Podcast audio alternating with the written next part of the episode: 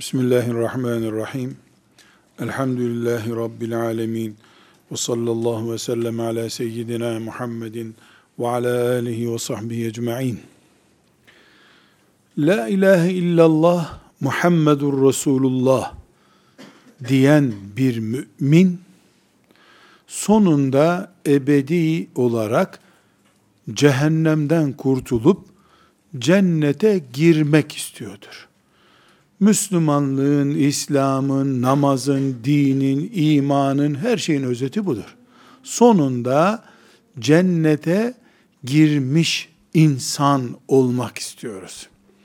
Dünya Ömer bin Hattab radıyallahu anh'ın yönettiği bir devlette de olsa, Necaşi'nin yönettiği bir devlette olsa, Firavun'un yönettiği bir devlet de olsa, Roma İmparatorluğu'nun hükümranlığında bir devlet de olsa, sonuç Müslümanın cennete girme mücadelesidir. Bir insan Mekke'de Sümeyye olarak bunu kazandı. Müşriklerin hükümranlığında bir yerdi. Öbür Müslüman Asiye, Firavun'un saltanatı altındaki Mısır'da bunu kazandı. Mus'ab radıyallahu anh da Medine'de Resulullah sallallahu aleyhi ve sellemin hükümranlığı altındaki bir yerde kazandı. Cennette buluşacaklar. Ana gaye, son hedef cennettir. İslam'ın devlet gücüne kavuşması, Müslümanların halifesinin bulunması, öbür tarafta kafirlerin zulümler yapması vesaire, yeryüzünün kana bulanması, ateş ateş altında tutulması bunların hepsi geçici noktalardır. Ana nokta dünya ne olursa olsun benim cennete gitmemdir. Dünyada İslam devleti olmuş, Hristiyan devleti olmuş. Ben cennete gitmedikten sonra o devletler kıyamet günü benim bir işime yaramayacak ki. Resulullah sallallahu aleyhi ve sellemin devletinin başında durduğu günlerde binlerce müşrik cehenneme gitti. İslam'ın devleti var Medine'de diye hiçbiri cennete git.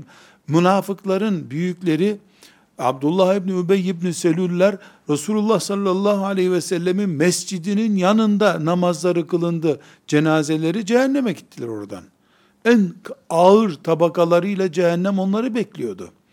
Mühim olan ve netice olan şey Müslümanın Allah'ın rızasını kazanıp cennete girmesi meselesidir. Bu da Müslümanın bireysel gayretlerinin sonucudur.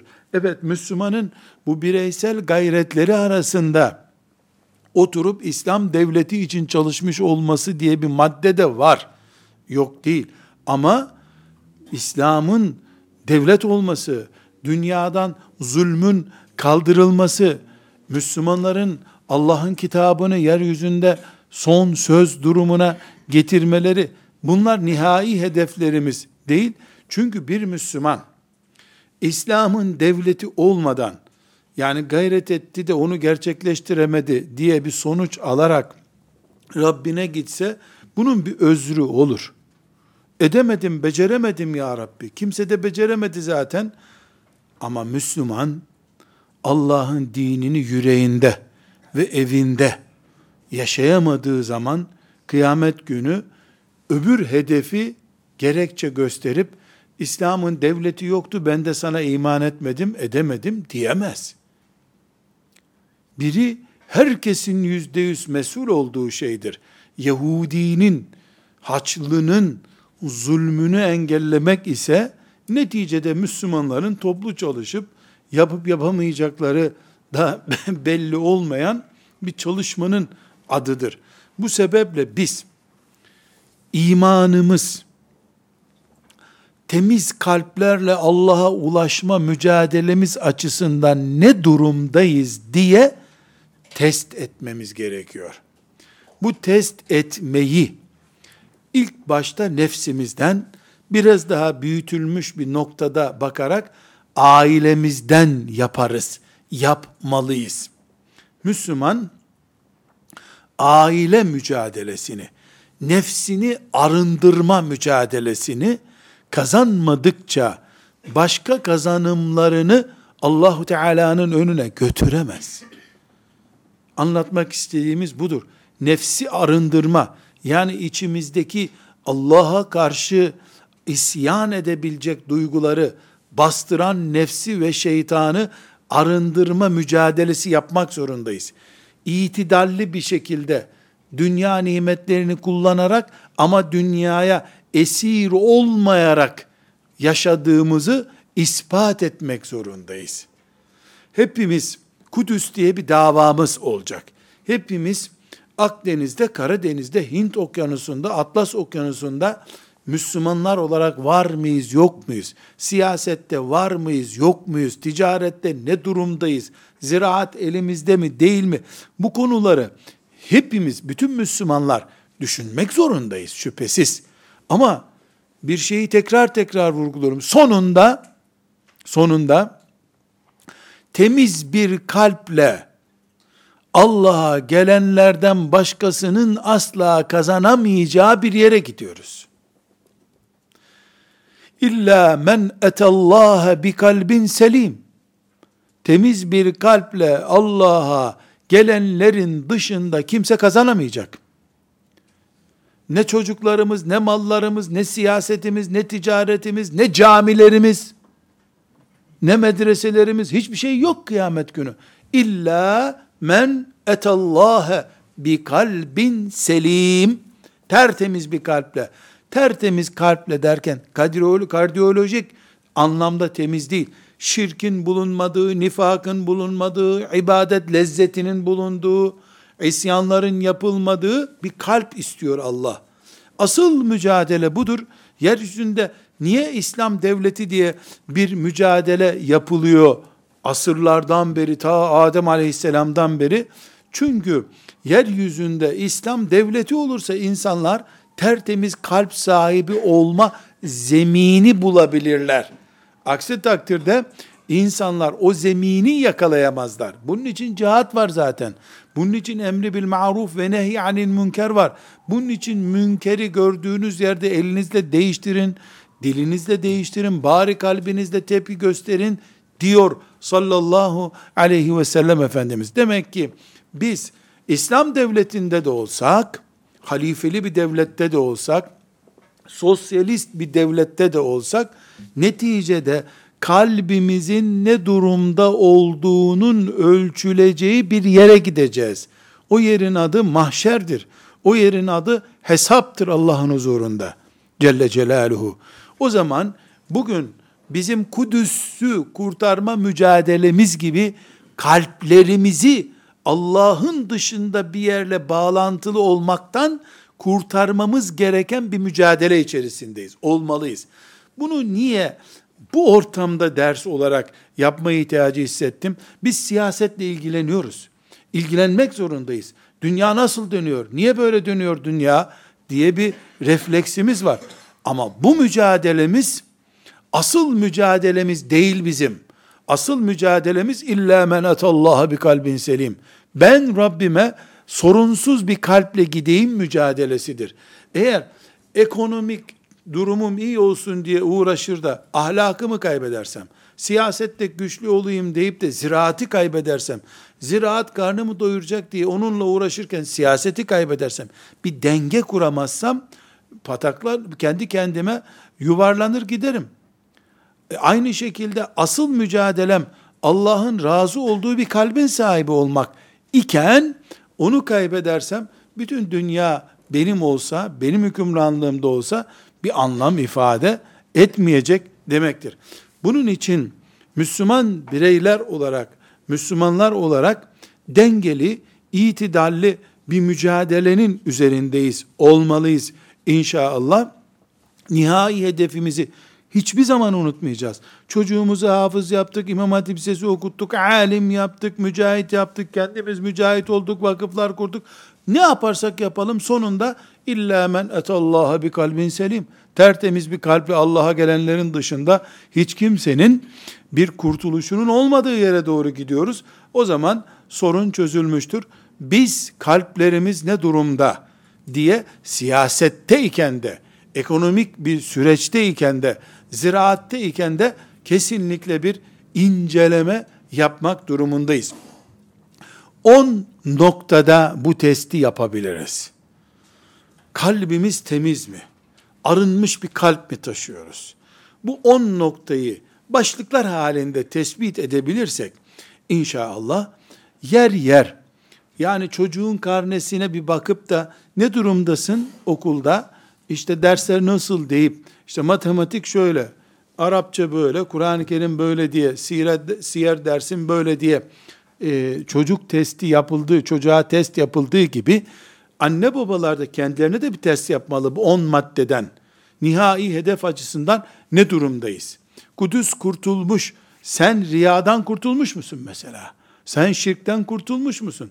Kudüs'ün kurtulması senin işine yaramıyor olabilir kıyamet günü. 10 maddeden test edeceğiz kendimizi. Birinci maddemiz, test maddemiz, tevhid esastır.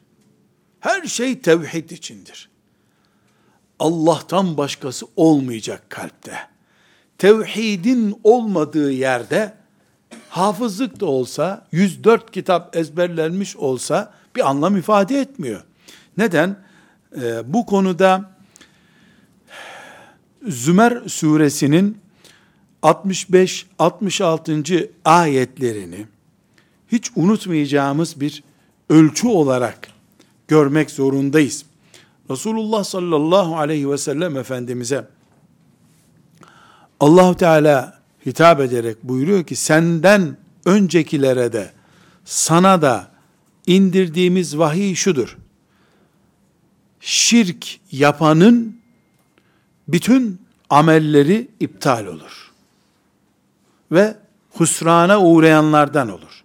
Şirk yapan yandı. Namaz, hac, cihat, zekat hiçbir işe yaramıyor artık. Çünkü tevhid sigortadır. O koptuğu zaman, sigorta olmadığı zaman geride hiçbir şey yok. Enerji yok demektir. Ana şartelimiz bizim, sigortamız tevhiddir. Yani la ilahe illallah Muhammedur Resulullah'ın hakkının verilmesidir. Eğer Ebu Cehil'in yaptığı gibi bir şeyi put olarak edinip ona tapınmak, parayı put edinmek, yaşadığın hayat düzenini put edinmek vesaire, çocuğu put edinmek, neticede Allah'tan başka ilah statüsüne getirilmiş bir şeyi şirk koştuğu zaman bir insan, o haçta Kabe'nin dibinde de bunu yapsa, leyahbatanna ameluk. Bütün amelin boşa gidecektir. Zümer suresinin bu kuralı çok kesindir. Leyahbatanna ameluka ve letekunenne minel hasirin. Hep kesin. Bu bu kuraldan taviz yok ama. Böyle bir taviz yok. Allahu Teala şirk yoksa gerisini inceliyor. Şirk varsa yani Allah'tan başka bir otorite kalpte yaşıyorsa sinsi bir şekilde veya aleni bir şekilde yaşıyorsa hac anlamlı bir ibadet değil o zaman. Yok hükmünde çünkü. Hac o zaman yok hükmündedir. Aynı şekilde Nisa suresinin 116. ayetine bakıyoruz. Allahu Teala müşrik olmak, şirk yapmak hariç her günah için kapıyı açık tutuyor. Allah sadece şirki affetmez diyor. Bir mümin veya bir insan şirk koşarak ölecek olsa nauzu billahi teala onun kurtuluş umudu sıfırdır. Yüz kişiyi öldürüp ahirete gitse kurtuluş umudu bir de olsa vardır. Bir ton alkol kullanarak gitmiş olsa kurtuluş umudu bir, üç, beş de olsa vardır. Yüzde yüz değilse de vardır. Allah'ın meşiyetine kalmıştır denir. Yani Allah af buyurabilir noktasındadır. Şirk, yani Allah'tan başkası yaratıyor. Allah'tan başkası idare ediyor. Allah'tan başkası öldürür. Allah'tan başkası diriltir. Allah'tan başkası kıyameti oluşturur. Allah'tan başkası hüküm koyabilir şeklinde şirk dediğimiz Allah'a ait şeyleri kullara mal edecek nitelikte bir düşünce yüreklerde varsa iş bitmiştir, elektrik kesilmiştir, gerisi bitmiş deriz. Bunun dışında umudumuz yüzde yüz bakidir elhamdülillah. Hangi günah olursa olsun. Neyi konuşuyoruz? Ne durumda Allah'a gidecek kalplerimiz? Bunu ailemizde özellikle belki toplum bazında yapamayız. Toplum bazında yapamadığımızın da özrünü kıyamet günü konuşabiliriz. Hocaydım kimse dinleyemedi beni ya Rabbi. Yıprandım, döküldüm, gene kimse dinlemedi diyebilirim. Aynı sözü kendim için ve ailem için söyleyemem bu sefer. İkinci noktamız, arınma bir boşaltma ve doldurma eylemidir. Yani kalplerimiz temiz mi, arınmış mı diyoruz ya, bir formülle bunu özetliyoruz ikinci maddede. Arınmanın başarılı olup olmadığını, tertemiz kalple, arınmış bir kalple Allah'a gidiyor olup olmadığımızı anlamak için ne yapmamız gerektiğini bilmemiz lazım. Yapılması gereken şey boşaltma ve doldurmadır. Rezil işlerden, ahlaksızlıklardan, günahlardan, adilik, seviyesizliklerden boşaltılır kalp. Allah, peygamberi, ashab-ı kiram, ümmet, Kur'an o kalbe yerleştirilir. Niye böyle bir şey söyledik? Boşaltmadığın şeyi dolduramazsın istediğin şeyle onun için. Kelime-i tevhidi nasıl söylüyoruz biz? Hiçbir ilah yoktur.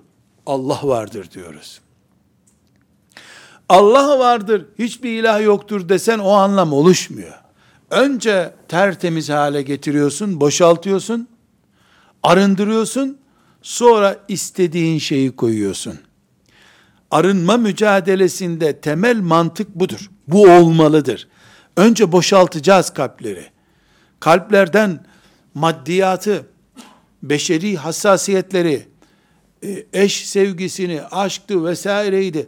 Allah ile bulunduğunda Allah düşüncesini, cennet cehennem hassasiyetini törpüleyebilecek. Mesela bir kalpte 100 puanlık bulunması gereken takva hassasiyetini 70 puana indiren aile ilişkisi, evlat sevgisi kesinlikle boşaltılmamış bir kalpte durduğu için takva fonksiyonel bir takva olarak karşımıza çıkmayacaktır.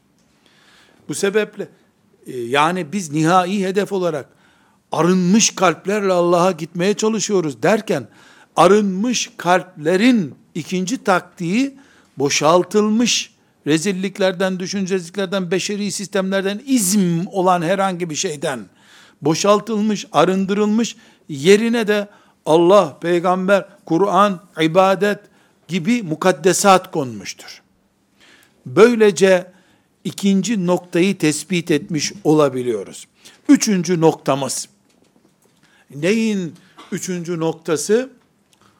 Allah'a götürülebilecek kapasitede temiz kalp taşıma mücadelemiz.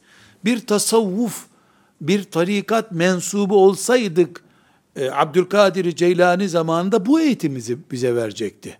Tasavvuf da budur. Ashab-ı kiramın gördüğü eğitim de budur. Bu on maddedir hepsi. Bu on maddeyi becerebilen için ayrıntılarına şüphesiz seneler boyu sürecek bir eğitimle girilecektir ama öz olarak bu on maddeyi özetleyebilen sahabenin aldığı eğitimi almış olur. Hasan Basri'nin derslerine katılıp eğitim almış birisi gibi olur. İmam Gazali'nin İhya Ulumuddin'in özet okumuş olur. Anlamış olur inşallah. Üçüncü noktamız arınmış kalp sahibi olmak için kalbe ulaşan menfezlerin kapatılmış olması gerekir. Sözler, eylemler, arkadaşlıklar, hatta ve hatta yer ve mekanlar açısından kalbe şeytanın giriş yapabileceği herhangi bir menfez bırakılmamalıdır. Mesela müzik dinlemek esasen namazı engellemiyorsa niye haram olsun ki denir, denebilir. Hayır, müzik bir menfezdir. Yani giriş noktasıdır. Yılanın başını sokabileceği bir deliktir müfis. müzik.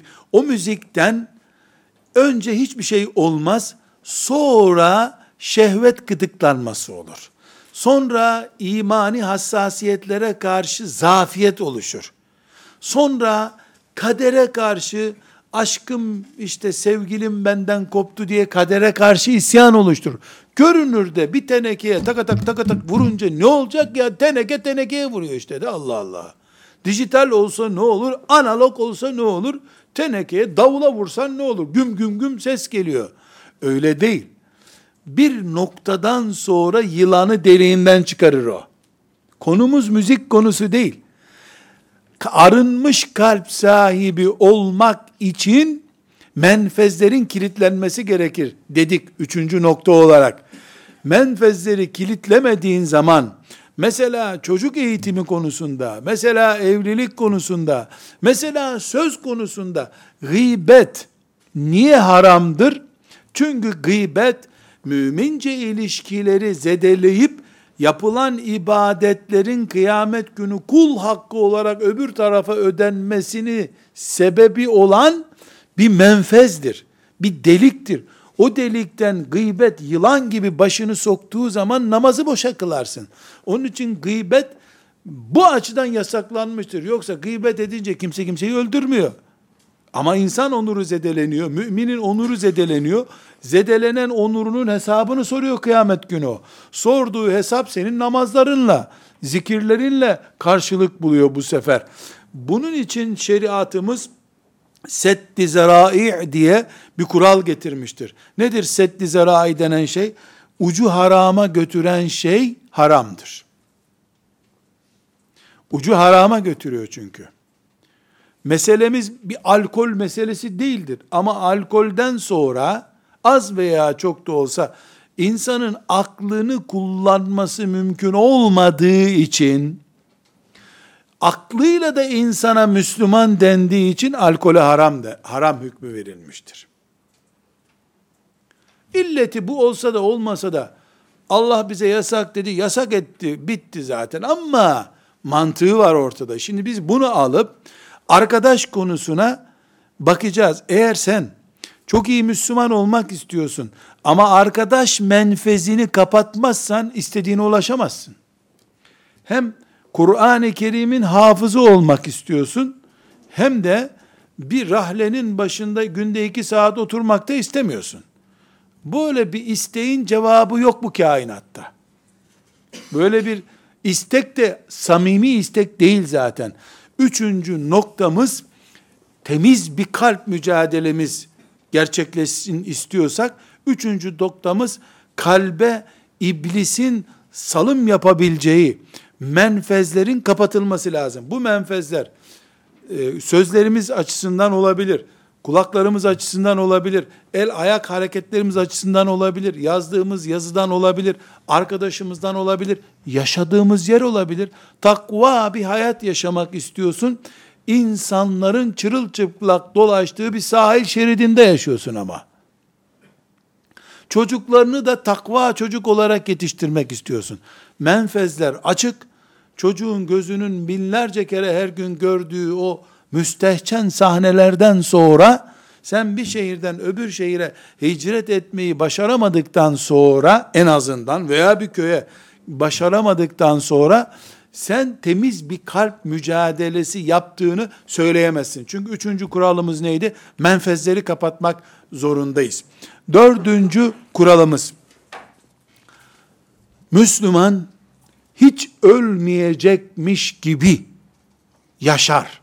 Prensip budur. Ancak dördüncü kuralımızda ölüm hatırlanılır bir hayatta yaşamak zorundayız biz. Ölümü unuttuğumuz zaman aslında hedefimizi de unutmaya doğru kayıyoruz demektir. Ölümü unutmak tehlikelidir.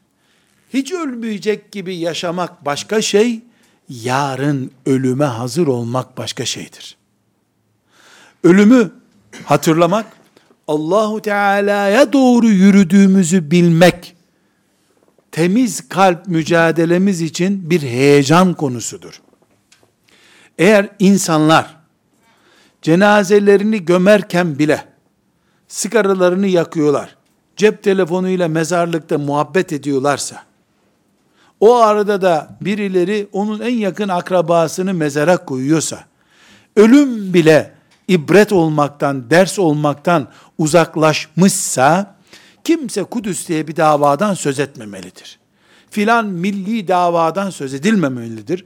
Zira oradaki Müslümanlarsa Müslümanlığın görüntüsü, orada dünya ahireti ezmiş geçmiş demektir. Ölümün ders olma niteliğinin kaybedilmiş olması bir afettir. Allahu Teala'ya doğru yürüdüğümüzü, iyi kul veya kötü kul, nasıl olursak olalım, onun huzuruna bizim dikilip bekleyeceğimiz gün mahşerimizin olduğunu unuttuğumuz an hayatı kaybettik. Ahireti uzaklaştırdık demektir. Nauzu billah.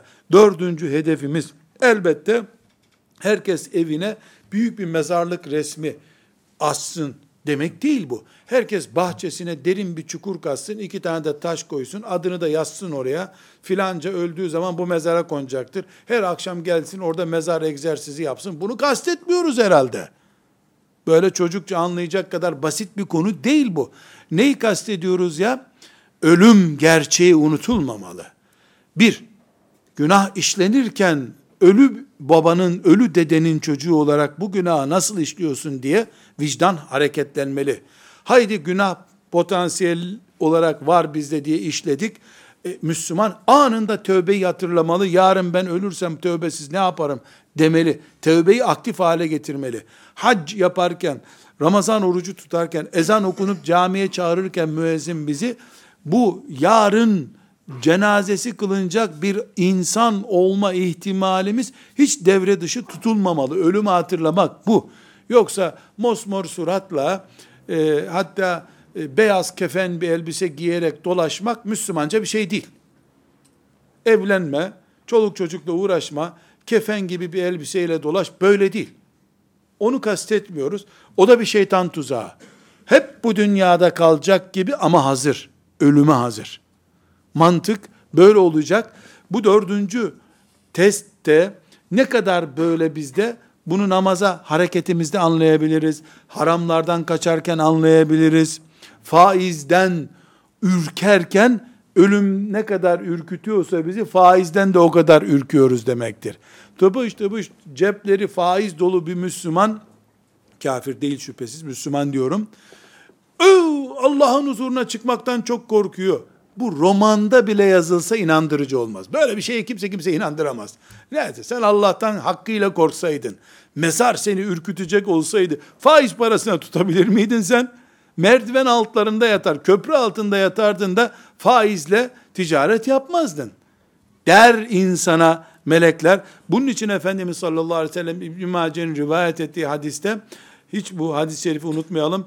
Eksiru zikra hadimil lezzat tatları yarıda bırakan ölümü unutmayın. Ölüm öyle bir şey ki her, herkesin lezzetini yarıda bırakıyor. Yediğin baklavanın midende lezzet olmasını engelleyen bir ölüm herkesin kaderi bu dünyada. Evet.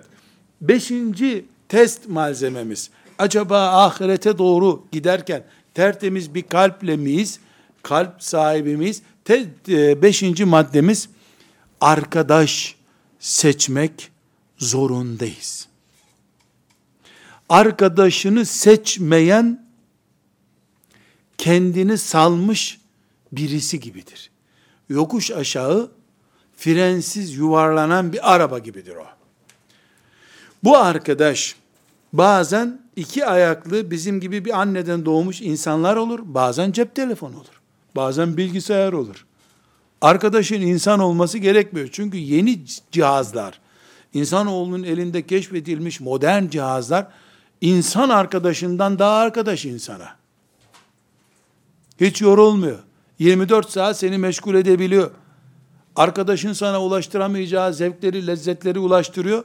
Dolayısıyla herhalde bu arkadaş mefhumunu bu asırdan itibaren aynı zamanda cep telefonu, aynı zamanda bilgisayar, aynı zamanda sosyal iletişim ağlarından biri olarak da görmemiz gerekiyor. Elbette insanı da görmemiz gerekiyor, insan arkadaşı. Dolayısıyla arkadaş seçmediğimiz sürece biz ahirete tertemiz kalple gidiyoruz sözünü ispat edemeyiz ki. Hiçbir meleğe inandıramayız bunu biz. Onun için Efendimiz sallallahu aleyhi ve sellem Ebu Davud'un rivayet ettiği hadis-i şerifte ne buyuruyor? Herkes arkadaşının dini kadar dindarlık yapar. Kiminle arkadaşlık yaptığınıza bakınız. Bunu ben insan üzerinden örneklendirmiyorum. Anneler, babalar herkese bu örnekleri bin defa söylemiş olabilir. Ama ben diyorum ki cep telefonunu çıkar. Başka birine ver.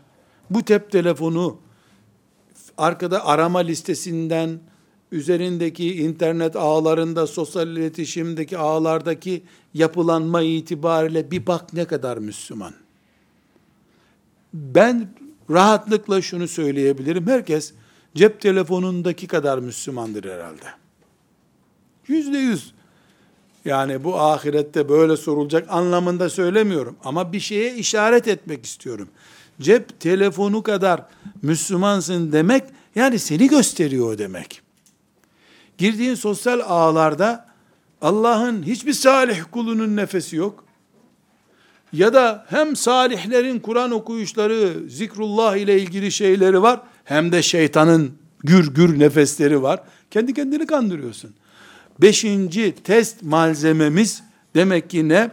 Biz ne kadar seçici arkadaş kullanıyoruz. Arkadaş kullanmakta seçicilik oranımız kadar dindarlığımız var. Kalp arınmışlık mücadelemiz var demektir. Altıncı test malzememiz şeytan eğer arkadaş seçiminden ve diğer maddelere kadar bizim mücadele edip yılmadığımızı ve Allah'ın lütfuyla temiz kalpli, Rabbinin huzuruna gidebilecek nitelikte kalp sahibi bir mümin olarak yaşadığımızı anlayınca ikinci dönem yeni versiyon fitnelerini getirecektir. Bunlardan birisi de Müslümanın geçmişte yaptığı Müslümanlığa ait işlerle övünüp onları gururlanacağı konu haline getirmesidir. Buna tasavvuf lisanında ucup denir. Mesela hac yapmıştır. Allah ona lütfetmiştir. Haccı bir anlatır ki yani belki Peygamber sallallahu aleyhi ve sellem öyle bir hac yapmıştır zannedersin sen. Gerisi kimse yapamamıştır. Onun haccından sonra melekler tamam bu ölünceye kadar Müslümanlık garantili dediler zanneder o. O 10 lira sadaka verir. Rabbim bunu kabul etse de cennete girseydim diyecek yerde ben 10 lirayı vermesem adamlar acından ölmüştü. Mantığına bürünür. Sanki Allah ona borçluymuş ki muhtaçmış gibi zanneder kendini. Böyle demez ama. Böyle demez elbette.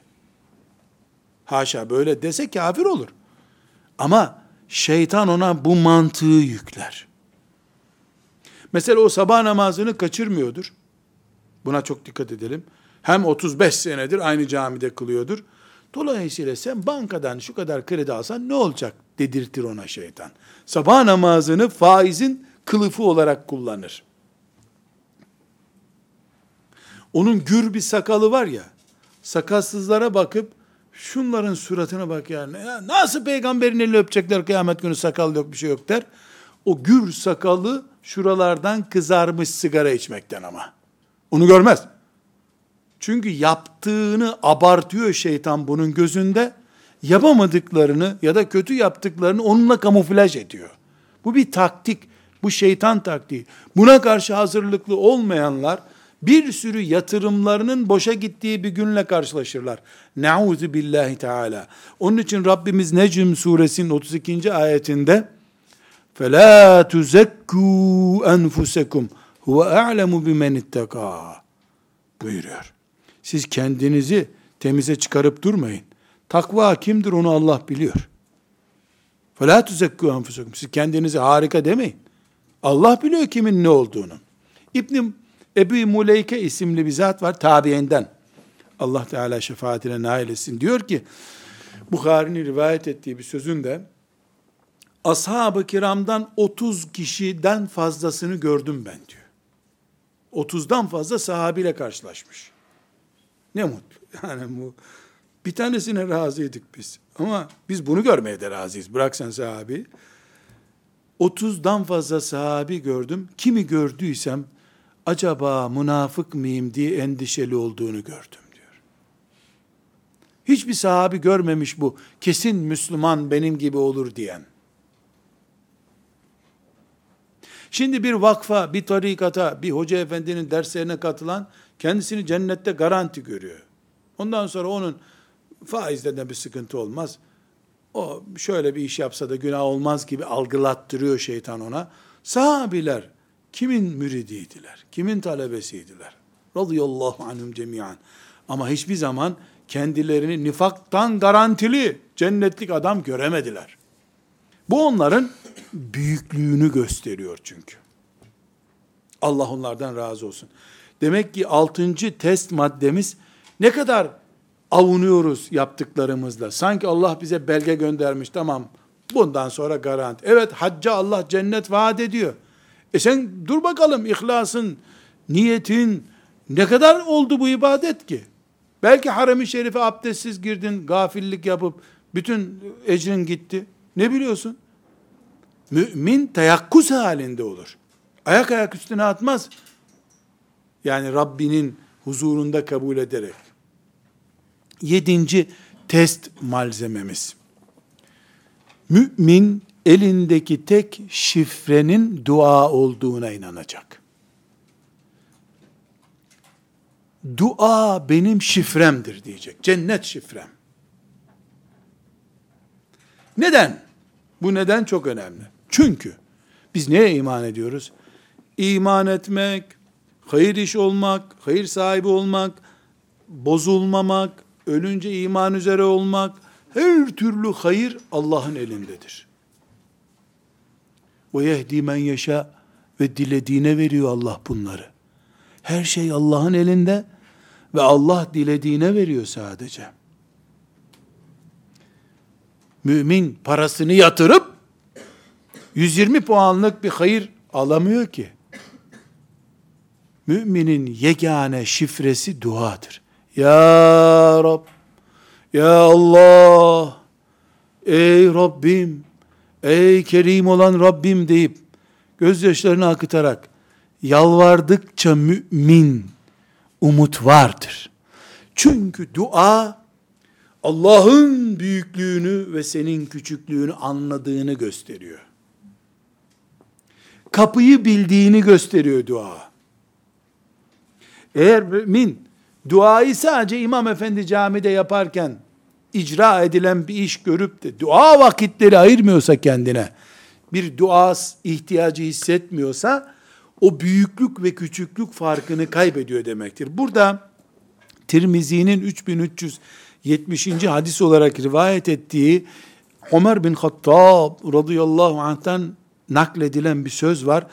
Ben yani bunu düşündükten sonra yeniden bir strateji belirleyeceğimizi zannediyorum. Allah Ömer'den razı olsun. Bakın ne diyor?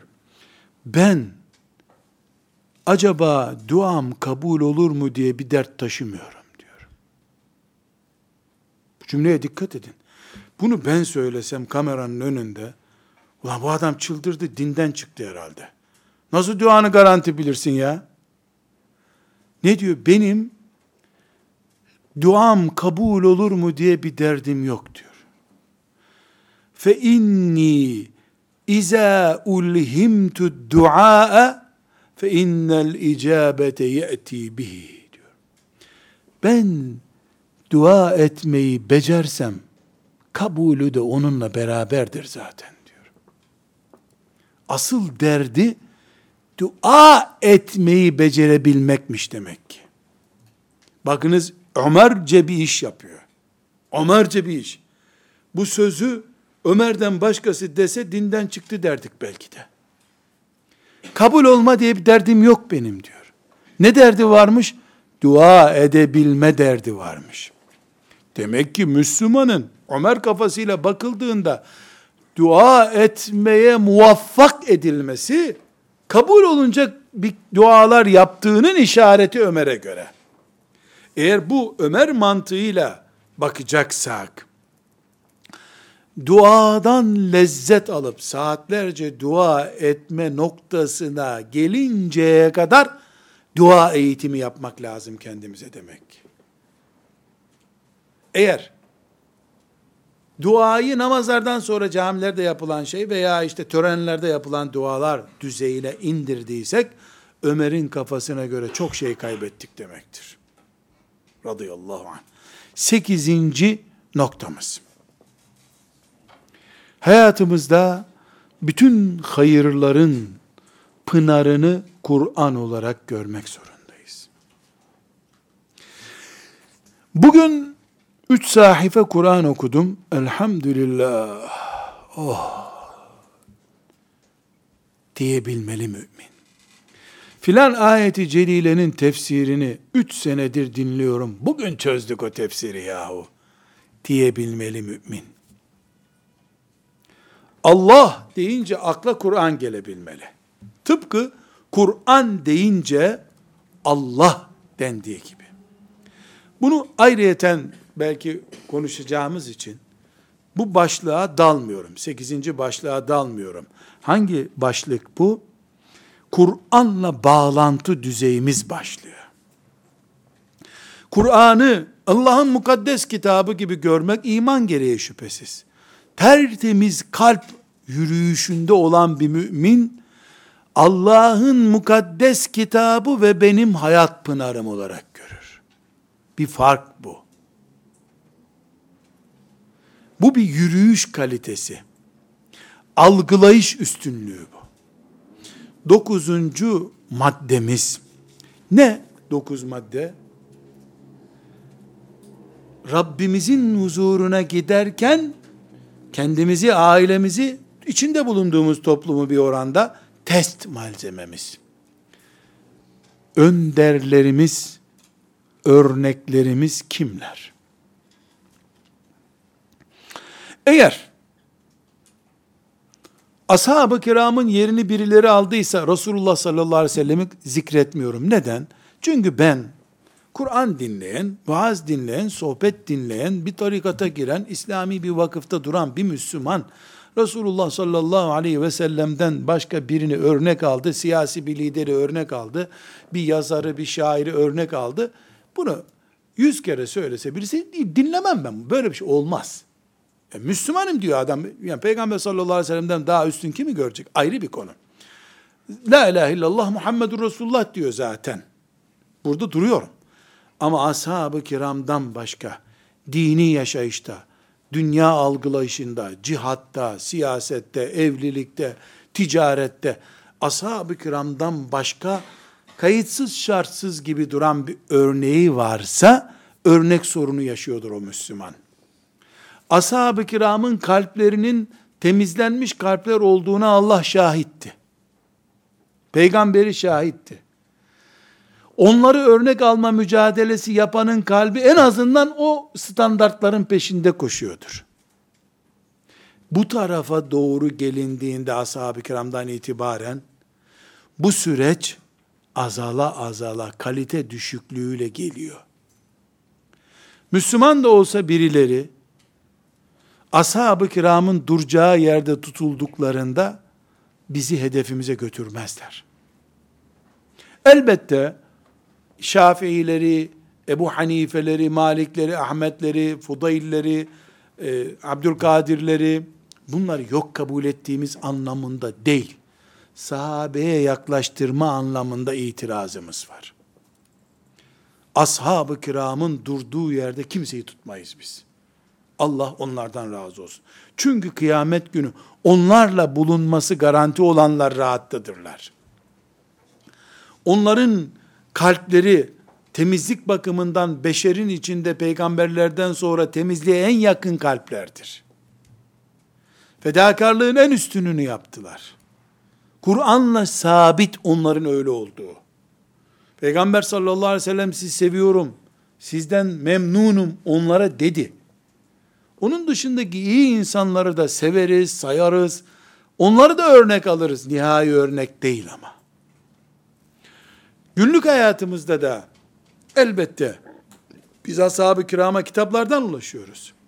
A, B şahsına da yüzeysel ulaşıyoruz. Aynı mahallede oturuyoruz. Aynı sokakları paylaşıyoruz. Peki onların örnekliği yok mu? Ashab-ı kiramı taklit ediyorlarsa var tabi. Ashab bizim güneşimiz gibi duracak. Onlardan yansıma yapanı kabul ettik. Başka bir şeye bizi felsefeydi, şiirdi, sanattı, edebiyattı, bizi o tip bir şeylerle ahiretimizi etkileyecek düzeyde örnekleneceğimiz kimseye kaydıranı kabul etmeyiz. 10. test malzememiz. Hepimizi Allah bir nefisle yarattı.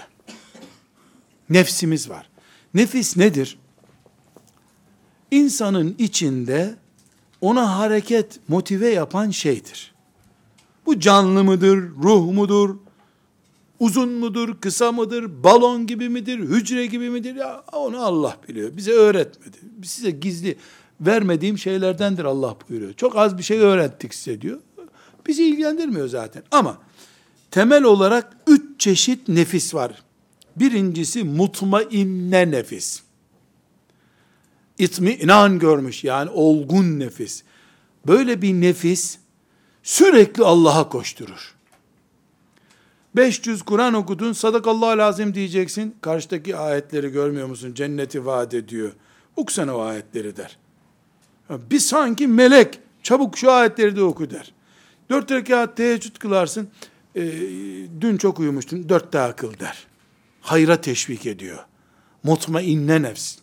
Ya eyyetühen nefsül mutmainne. Ey mutmain nefis. İrci'i ila rabbiki radiyeten mardiye.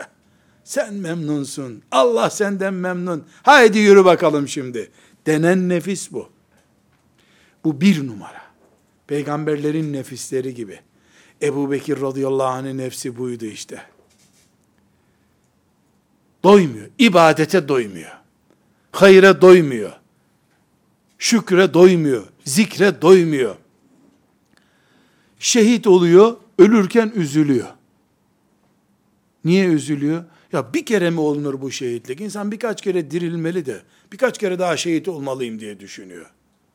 Yani neredeyse şehitliği bile birkaç kere daha olsun diye isteyecek.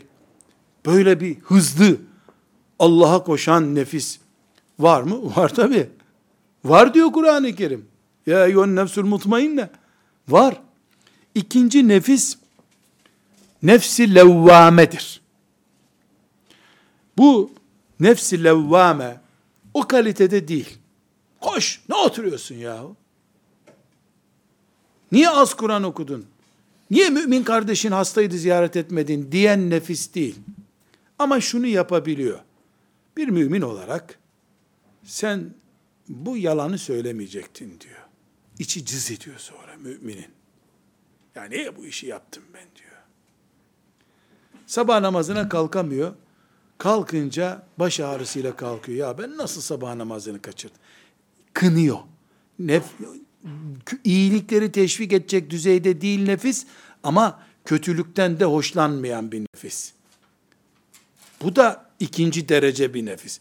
Üçüncü e, nefis ise el emmâretu bis-sû olan, sürekli kötülük pompalayan nefis.